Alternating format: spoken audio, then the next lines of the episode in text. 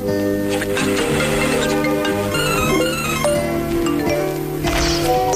consultori digital.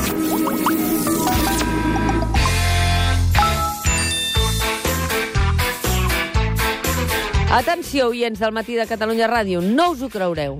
Avui, al consultori digital, tenim a tots quatre col·laboradors presents a l'estudi. Albert Murillo, Albert Cuesta, Mariola Dinarès, Genís Roca, ni viatges, ni no sé què, ni me'n vaig a buscar un aparell, un instrument, un tal, et trucaré des de l'aeroport de Honolulu. No! Genís Roca, Genís, Genís Roca és aquí, Albert Cuesta, Mariola, Albert. Bon. Estem a punt, estem a punt. Esteu a punt? Sí. Doncs sistemes per participar. Envia'ns un correu electrònic a matí arroba catradio.cat. Deixa el teu missatge a facebook.com barra el matí de Catalunya Ràdio o twitter.com barra matí catradio. O fes una nota de veu al telèfon 607 07 09 23. Repetim, 607 07 09 23. O al telèfon 93 201 7474, que entre trucada CDR i trucada a la policia de l'Elisabet Espuny eh, segurament us l'agafarà, perquè tenim a la nostra productora del directe avui eh, buscant reaccions a tot el que està passant. Anem a la primera consulta. Hola, buenos días. Soy Eugenio de La Sagrera. Mira que mi hijo hace tercero de la ESO y a principio de curso le recomendaban que mm, utilizara su ordenador propio. Pero claro, ¿qué pasa? Que si no tenía, también le decían que podía irse a, la sala donde están los ordenadores, ¿no? Al aula de informática. El tema es que, claro, todos los chavales pues de su curso llevan su ordenador propio y el niño pues no tiene el suyo y ya en casa ya lo está pidiendo, ¿no? Lo que pasa es que, claro, a mí me gustaría saber qué ordenador de portátil podríamos comprarle que fuera ajustado a un precio bueno y, que además, claro, no le pesara eh, cinco toneladas en la mochila, porque el chaval va andando a casa, ¿no? Muchas gracias.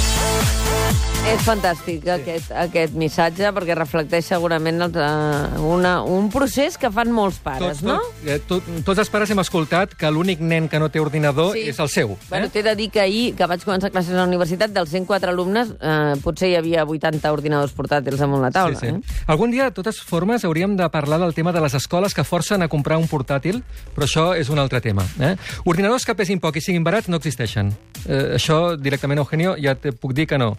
És Que efectivament... pesin poc. I que pesin Que poc. pesin poc i barat, No, no, no, no, no, Ah, són no existeixen. Sí, sí, és un drama per a les esquenes dels, dels nostres fills, ja que, com que per seguretat no poden deixar l'ordinador a la- a l'aula, doncs eh, se l'han d'endur i, i és un drama. Et dic algunes marques perquè comencis a buscar preus. Eh, tots els que et diré ara són PC. Perquè ens fem una idea eh, d'un dels ordinadors portàtils menys pesats eh, al mercat i que acaba de sortir, és un Fujitsu Livebook, que pesa 920 grams.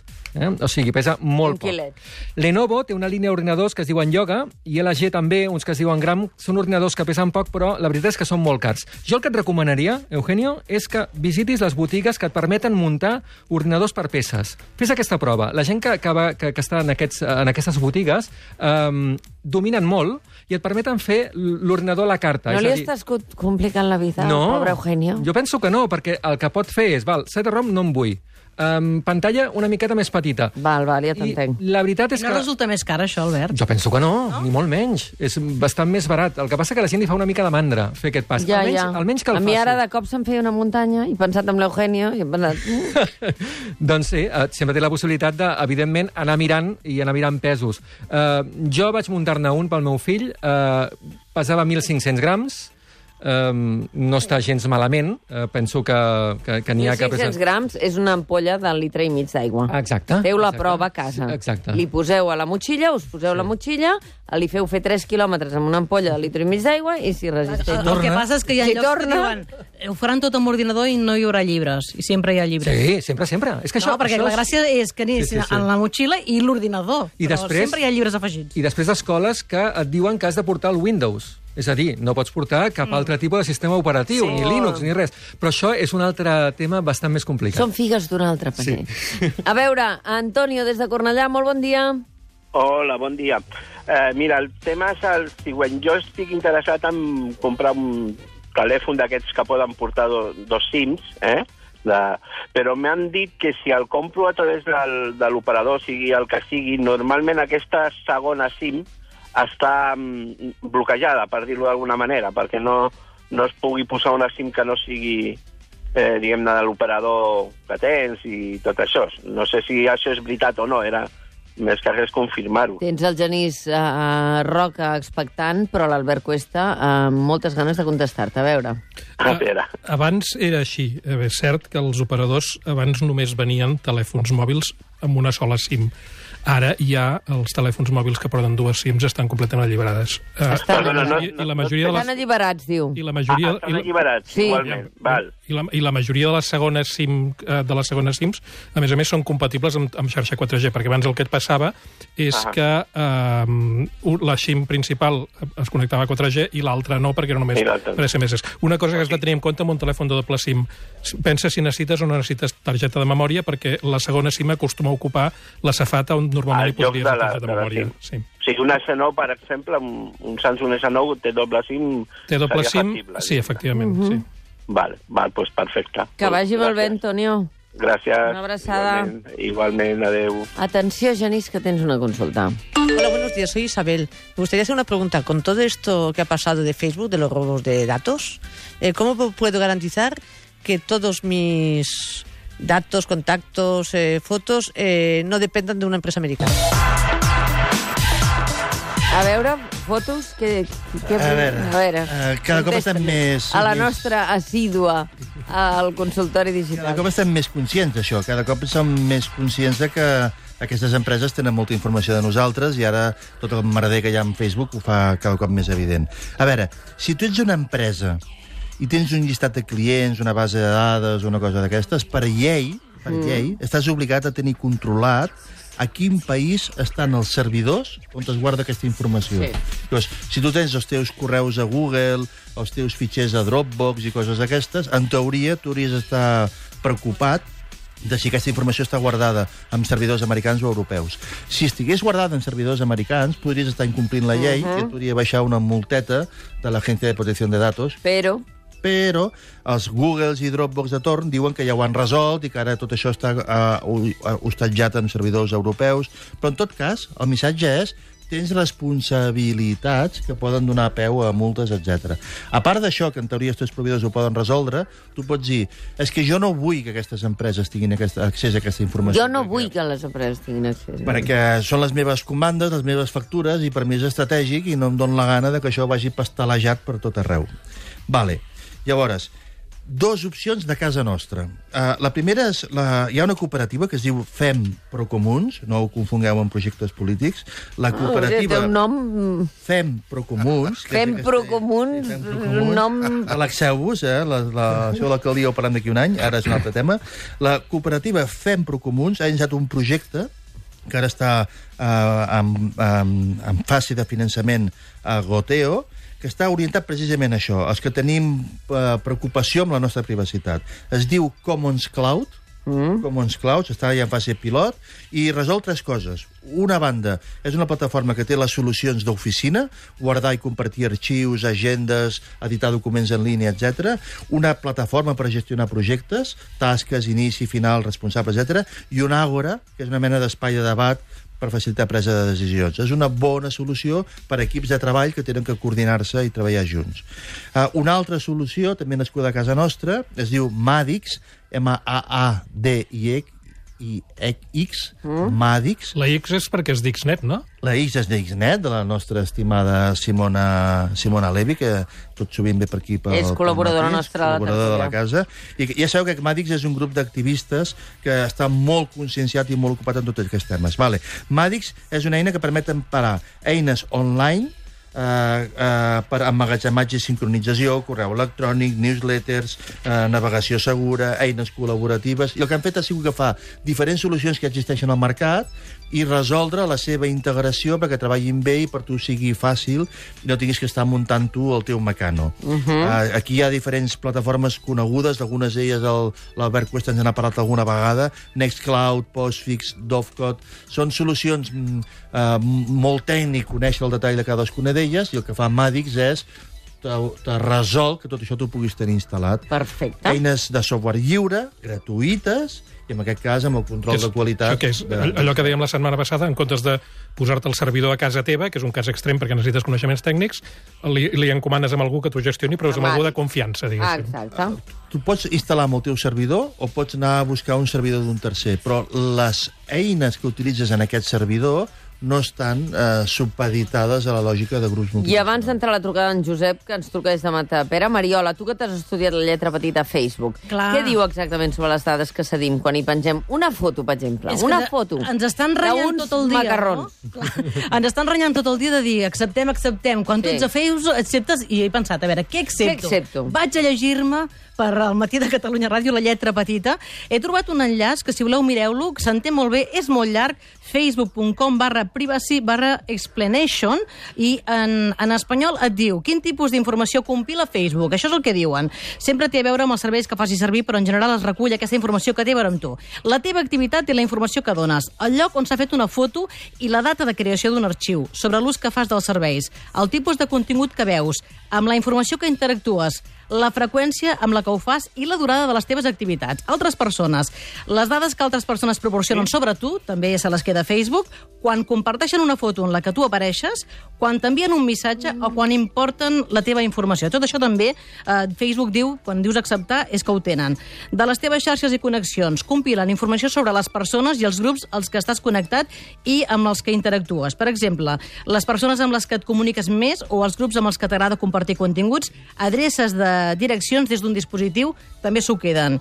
Informacions de pagament. Si fas servir els serveis de Facebook o Instagram per comprar o fer transaccions, és a dir, si algun dia has comprat, no sé, un joc que vols, has volgut jugar Sí, a través sí, de Facebook sí. i has pagat, ja aquell dia la teva targeta de crèdit ja queda a Facebook, però a més a més no només per Facebook, sinó, atenció, quan dones informació a Facebook també la dones a Facebook Payments, Atlas, Instagram, Onavo, Moves, Masquerade, WhatsApp, Oculus i CrowdTangle. Tot això està posat a la lletra petita. I també ens guardem la informació com visites i utilitzes llocs web i aplicacions de tercers. És un drama perquè la conclusió sentint-te, Mariola, és em vaig esborrar de Facebook. I No, d'Instagram però i de WhatsApp. saps- A veure, et, també és veritat que, que pots... Si, si mireu tot aquest text amb aquest enllaç, enllaç que us he donat, us podeu desfer de coses. Per exemple, um, pots uh, etiquet, fer que la gent no et pugui etiquetar. Jo, per exemple, això ho tinc desactivat, no? A mi ningú em pot etiquetar, m'arriba una, una alerta de aquella persona t'ha etiquetat, li dones permís? Això es pot fer, no? És a dir, agafes una foto eh, on jo hi surto i jo no vull que ningú posi una foto on hi surto, per exemple. El preocupant no és tant la informació que recullen, que ja ho has Sí. explicat molt bé, en recullen molta, el preocupant és el que poden inferir. Clar, Ah, exacte. Clar. Inferir, perquè, per exemple, eh, ells poden veure que tu ets amic de, de, de Manel, en Manel penja fotos indepes, tots els teus amics pengen fotos indepes, ergo tu... Tu ets indepe. Tu podries ser indepe, perquè es pot inferir pel teu relacional. És que és molt curiós, el de Cambridge Analytica. O sigui, hi ha molt poques persones que van pagar perquè van donar les seves dades. Però, clar, els amics dels amics dels amics són els que estan A implicats. veure, anem a una altra trucada, perquè sona el telèfon. Telèfon! Que truquen! Josep, bon dia. Sí, hola, bon dia. Consulta, Eh, vinga. Jo us volia fer una consulta. Jo tinc un problema, a casa tinc alarma, una alarma normal, que fa temps que hi és, eh, i eh, el, sigui, la, la central d'alarmes cada nit fa una trucada per comprovar que, el, que la comunicació estigui correcta, no? Cada nit et Llavors- truquen? Sí, Oh, coi. o sigui, no, em truquen, o sigui... Hola? Truquen a l'alarma sí, o truquen a vostè? sento, sento. No, no, no, truquen, fan una compilació automàtica. Ah, automàtica. Ah, ah, val, no, val. No de llevar cada nit a trucar, no, eh? Val, val. tenen un, un sistema que cada nit, doncs, eh, comproven que la línia telefònica i l'alarma... Ara, ara, ara, ara ho he entès, sí, sí. Vale. Llavors, des de que he posat la fibra òptica, això falla. Però, però falla un dia sí i un dia no. O sigui, un dia eh, a la nit es, eh, se'm, des, se'm dispara l'alarma una, una, un xivato que diu que han trucat i que no d'allò, l'endemà rebo un correu i un, i una, i un, i una notificació dient que han detectat un fallo en mi alarma del tal, i l'endemà passat em surt de su alarma pues, ha sido normalizada aquesta nit. Llavors està un parell de dies normal i torna a fallar. I falla un dia sí i dos dies no. Eh, llavors jo parlo amb els de l'alarma i dic, no, has de canviar l'alarma perquè... Val, no val. no brilla. Doncs ja li contestem. Marim? Ja, ja ha acabat la consulta? No, no, deia que si llavors parlo amb la, amb la companyia telefònica em diuen que ells mantenen una, una línia ja que funciona que ells a partir d'allà no saben res més. Ja. Clar, jo no sé si tinc de canviar... Si em faria sempre, doncs la canviaria, o, o, hi hauria un problema, però si em un dia sí, un dia no, i això per mi és alguna cosa més simple de resoldre que no pas doncs, Ja, ja, ja. canviar tota l'alarma que val 1.000 euros. Eh? Molt bé. Gràcies. Gràcies, Josep, que vagi molt bé. Vinga, moltes gràcies, bon dia. Què, dir què Albert? Jo el que li diria és que potser forcés una mica a l'empresa que li dona el servei, eh, que té aquest problema i que mm, si no el solucionen, doncs es canvia. En el moment que tu dius que es canvia, potser eh, mm, fa que vinguin els tècnics, puguin veure si hi ha algun problema eh, que sigui intermitent a la teva xarxa, al teu, doncs, eh, a la teva xarxa que et dona doncs, la, la, la senyal i potser pots forçar d'aquesta manera. Sí, aquí, el que, aquí el que està passant, això és habitual, eh? vull dir que les línies telefòniques de les cases han evolucionat molt més ràpid que les, els, els, les centraletes d'alarma que han instal·lades i n'hi ha moltes que no són completament compatibles amb les noves línies telefòniques, per exemple, les que estan donant telefonia sobre de la fibra òptica. Les centrals d'alarma sempre et volen vendre una centraleta nova, Sí. llavors eh, potser la solució és aquesta, és dir-los, escolti, eh, si no me la canvia o no em fa un preu més, eh, més ajustat, potser cam em canvio d'empresa d'alarmes. De Hem de... sí, sí. Digues. Negociació. Hem d'ocupar-nos de- d'aquesta operació dels CDRs, Albert Cuesta, però, eh, i tots,